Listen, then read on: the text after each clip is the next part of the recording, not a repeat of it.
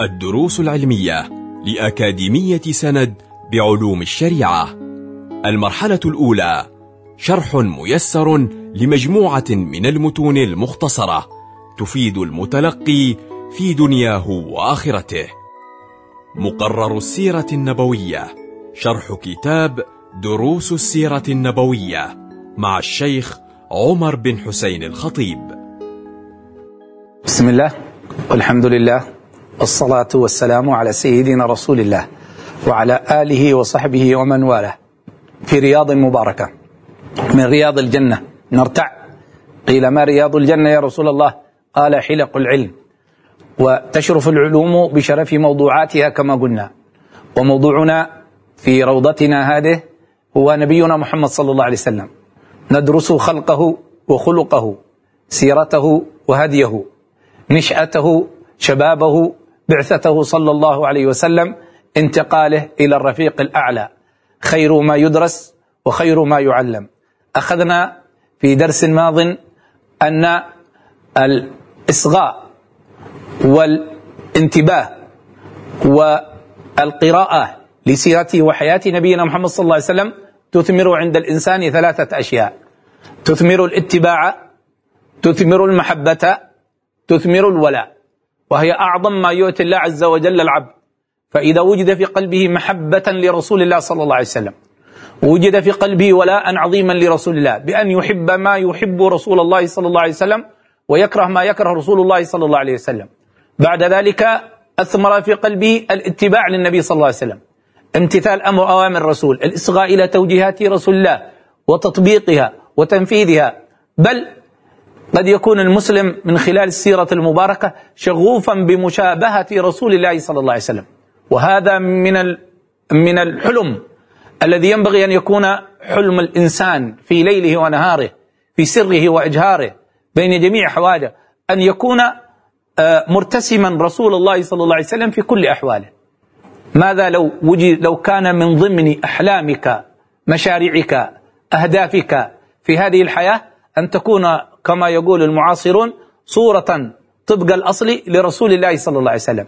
لا يرى فيك شيئا إلا قد كان رؤية في رسول الله أو وجه إليه رسول الله صلى الله عليه وسلم أو مأخوذا من سنة الرسول صلى الله عليه وسلم فمن رآك فكأنما رأى رسول الله صلى الله عليه وسلم.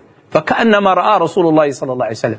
كيف أنت لو صرت بهذه المثابة العظمى ثم جعلت تتقن وتتعمق وتقبل وتأخذ هذه من النعم من النعم العظمى.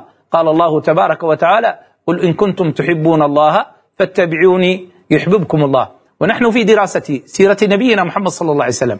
كنا نأخذ في هذه الرياض المباركة نأخذ سيرة الرسول صلى الله عليه وسلم من خلال ما كتبه أحد أبناء الرسول صلى الله عليه وسلم وسلالة المصطفى صلى الله عليه وسلم السيد علامة الحبيب هادي بن أحمد بن عبد الله الهدار من آل الشيخ أبي بكر جمع هذا الكتيب اللطيف في الحجم العظيم الكبير في المعنى فبدأ هذا الكتاب يقول بسم الله الرحمن الرحيم. حيث قال لنا بسم الله الرحمن الرحيم المؤلف إذا عرفنا أنه الآن هو يتابع النبي صلى الله عليه وسلم. لأن جميع كتب رسول الله التي صدرها صدرها ببسم الله. هكذا كان النبي بل كان النبي يعتني بالبسملة. وروي كل أمر ذي بال لا يبدأ فيه ببسم الله الرحمن الرحيم فهو أقطع. ليست فيه البركة الكاملة. ليس من مرجو منه النفع الكامل. فحيث بدأت الأشياء ببسم الله وهذا كتاب الله. نبدأ كتاب الله بسم الله الرحمن الرحيم الحمد لله رب العالمين. فهو قد اقتدى بكتاب الله وأخذ بطريقتي وسنتي ومعلم نبينا محمد صلى الله عليه وسلم. ثم قال الشيخ رحمه الله في درسه الأول عندما مهد للسيرة النبوية. قال بعث الله تعالى رسوله الأعظم محمدا صلى الله عليه وسلم هاديا ومعلما ومرشدا للخلق ومهذبا ودالهم على ما فيه سعادة الدنيا والأخرى. سعادة الدنيا والأخرى. هذا من من من, الله عز وجل. أعطى الحكم الحكم والأهداف التي بعث لأجلها النبي صلى الله عليه وسلم. الرسول صلى الله عليه وسلم حدد لنفسه في هذه الحياة لواءان عظيمان ومشروعان عظيمان. قال في الأول إنما بعثت معلما. وقال في الثاني إنما بعثت لأتمم مكارم الأخلاق. وفي رواية إنما بعثت بالأخلاق. فإذا الذي يريد مشروع المصطفى صلى الله عليه وسلم يمضي به في حياته فعليه بالعلم. علم الشريعة علم السنة علم الاتباع للنبي صلى الله عليه وسلم علم الأحكام الشرعية علم معرفة عظمة الحق جل في علاه وكبريائه وقدرته وإرادته تبارك وتعالى.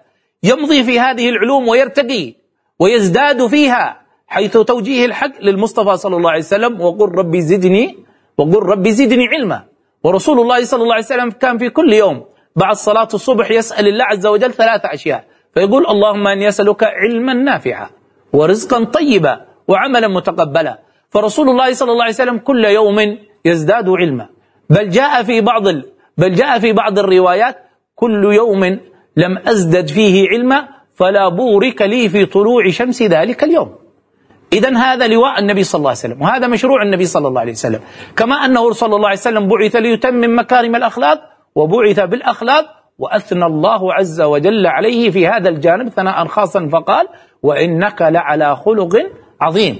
ولما كانت الرحمة كانت الرحمة هي منبع الأخلاق منبع الأخلاق الرحمة وليس التكلف وليس المصالح لأنه ممكن أن أن أن أن يتخلق الإنسان لأنه يخاف يخاف أن يفقد العمل يخاف أن يفقد الجمهور يخاف أن يفقد من حواليه. يخاف أن يفقد المصلحة ممكن لكن لما تكون الأخلاق نابعة من الرحمة لن تكون إلا لأجل الله عز وجل. لأجل الله عز وجل. في هذا يقول الله تبارك وتعالى وما أرسلناك إلا رحمة للعالمين. ثم يقول الله عن شيء من آثار هذه الرحمة فبما رحمة من الله لنت لهم ولو كنت فظا غليظ القلب لانفضوا من حولك. هذا الرسول صلى الله عليه وسلم. بعث بالأخلاق وبعث بالعلم. فلا بد أن يكون المسلم السائر سيرة نبيه محمد صلى الله عليه وسلم في كل يوم مهما كان مجاله مهما كان فنه مهما كان آه، مسار حياته في أمر أمور شرعية أو أمور شرعية مادية يعني أمور الطب أمور الهندسة أمور العمل الوظيفة. هذان هذان الأمران لا ينفك عنهما المؤمن الموالي لرسول الله. المحب لرسول الله المتبع لرسول الله لأنه بهذا جاء بهذا جاء رسول الله صلى الله عليه وسلم. فكيف لا نزداد كل يوم وليلة فيهما؟ كل يوم نزداد علما نزداد معرفة نزداد آه، إدراكا نزداد قربا من الله عز وجل. في كل يوم نضيف لأنفسنا إلى ذواتنا نضيف إلى تعاملاتنا مع الآخرين تعاملنا مع الله عز وجل تعاملنا مع الناس نضيف إليها أخلاقا جديدة. وإنما بعثت بالأخلاق. وإنما بعثت ليتمم مكارم مكارم الأخلاق. فبهذا بعث المصطفى صلى الله عليه وسلم ونحن تبعا لهذا النبي بعثنا بهذا المعنى بعثنا. ولذلك قال ربعي بن عامر ربعي بن عامر الصحابي الجليل رضي الله عنه وأرضاه قال لرستم عندما قال له رستم بماذا جئتم؟ دخلتم أراضينا وحاربتمونا وشاغبتمونا بماذا أنتم جئتم؟ قالوا نحن قوم ابتعثنا الله مع أن البعثة كانت لرسول الله لكن هو أقام نفسه لقوة قربه بالرسول صلى الله عليه وسلم وولائه له وحبه له واتباعه له أقام نفسه من مقابل رسول الله. فقال نحن قوم ابتعثنا الله لنخرج العباد من عبادة العباد إلى عبادة رب العباد ومن جور الأديان إلى عدل الإسلام ومن ضيق الدنيا إلى سعة الدنيا والآخرة. بهذه الأهداف يمضي المؤمن وتمضي المؤمنة. يمضي المسلم ويمضي المسلمة اتباعا لنبينا محمد صلى الله عليه وسلم. فالشيخ رحمه الله تبارك وتعالى قال بعث الله تعالى رسوله الأعظم محمدا صلى الله عليه وآله وصحبه وسلم هاديا ومعلما. هاديا يعني دالا على الطريق. معلما مبينا. مبينا يبين الحكم يبين الحق يبين الخلق يبين المقصود يبين المطلوب. نبينا محمد صلى الله عليه وسلم. ثم أي أيضا مرشدا صلى الله عليه وسلم. أيضا هو بمعنى المعلم. مرشد بمعنى المعلم لأن المرشد الدال على المطلوب كذلك. ثم قال مهذبا. مهذبا مزكيا. التزكية التسليك. النبي صلى الله عليه وسلم هو من أرسله الله عز وجل ليعلم الأمة ويزكيهم ويعلمهم ويزكيهم. فهو يعلمنا صلى الله عليه وسلم وهو يزكينا. فتتزكى أخلاقنا في الباطن وتتزكى أخلاقنا في الظاهر بمعاملتنا مع أنفسنا وبمعاملتنا مع حوالينا بتوجيهات نبينا محمد صلى الله عليه وسلم بإرشادات نبينا محمد صلى الله عليه وسلم. النبي صلى الله عليه وسلم جمع هذه الموارد في مورد واحد في كلمة جامعة ولقد أوتي جوامع الكلم فقال في معاملة العبد مع الله قال اتق الله حيثما كنت. وفي معاملة العبد مع النفس قال وأتبع السيئة الحسنة. دائما طور نفسك. صحح أخطائك عدل ما أنت عليه. تقدم إلى الأحسن. تقدم إلى الأفضل. وقال في معاملة الخلق وخالق الناس بخلق بخلق حسن. فالذي يوالي رسول الله ويحب رسول الله ويتابع رسول الله صلى الله عليه وسلم لابد أن يكون على هذا الوصف. هو مع الله عز وجل يتعمق ويتوسع في معاني الصدق في معاني الإخلاص في معاني المحبة في معاني الولاء في معاني الصبر.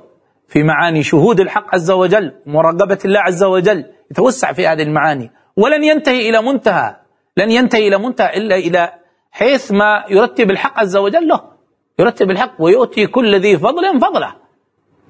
لا لا منتهى لا منتهى. لأن الرسول صلى الله عليه وسلم إيه، يقول في دعائك سبحانك لا أحصي ثناء عليك أنت كما أثنيت على نفسك. فمن ذا الذي سيستوعب المطلوب؟ إذا كان النبي يعرف يعترف بأنه لم يقدر أن يستوعب المطلوب من الإنسان وإنما رضي الله عز وجل منا بهذا الجهد وإذا قبله منا ربنا تبارك وتعالى كان الثواب عليه جزيلا وأمرا عظيما من الله تبارك وتعالى. مع النفس نتعامل بتصحيح أوضاعنا وترتيب أنفسنا. مع الغير آه، نتعامل بحسن الخلق ولين الكلام ولطافة والحزم في موضع الحزم والرحمة في موضع الرحمة. نسأل الله عز وجل أن يرزقنا حسن المتابعة لسيدنا محمد صلى الله عليه وسلم في أخلاقنا ظاهرا وباطنا. والحمد لله رب العالمين.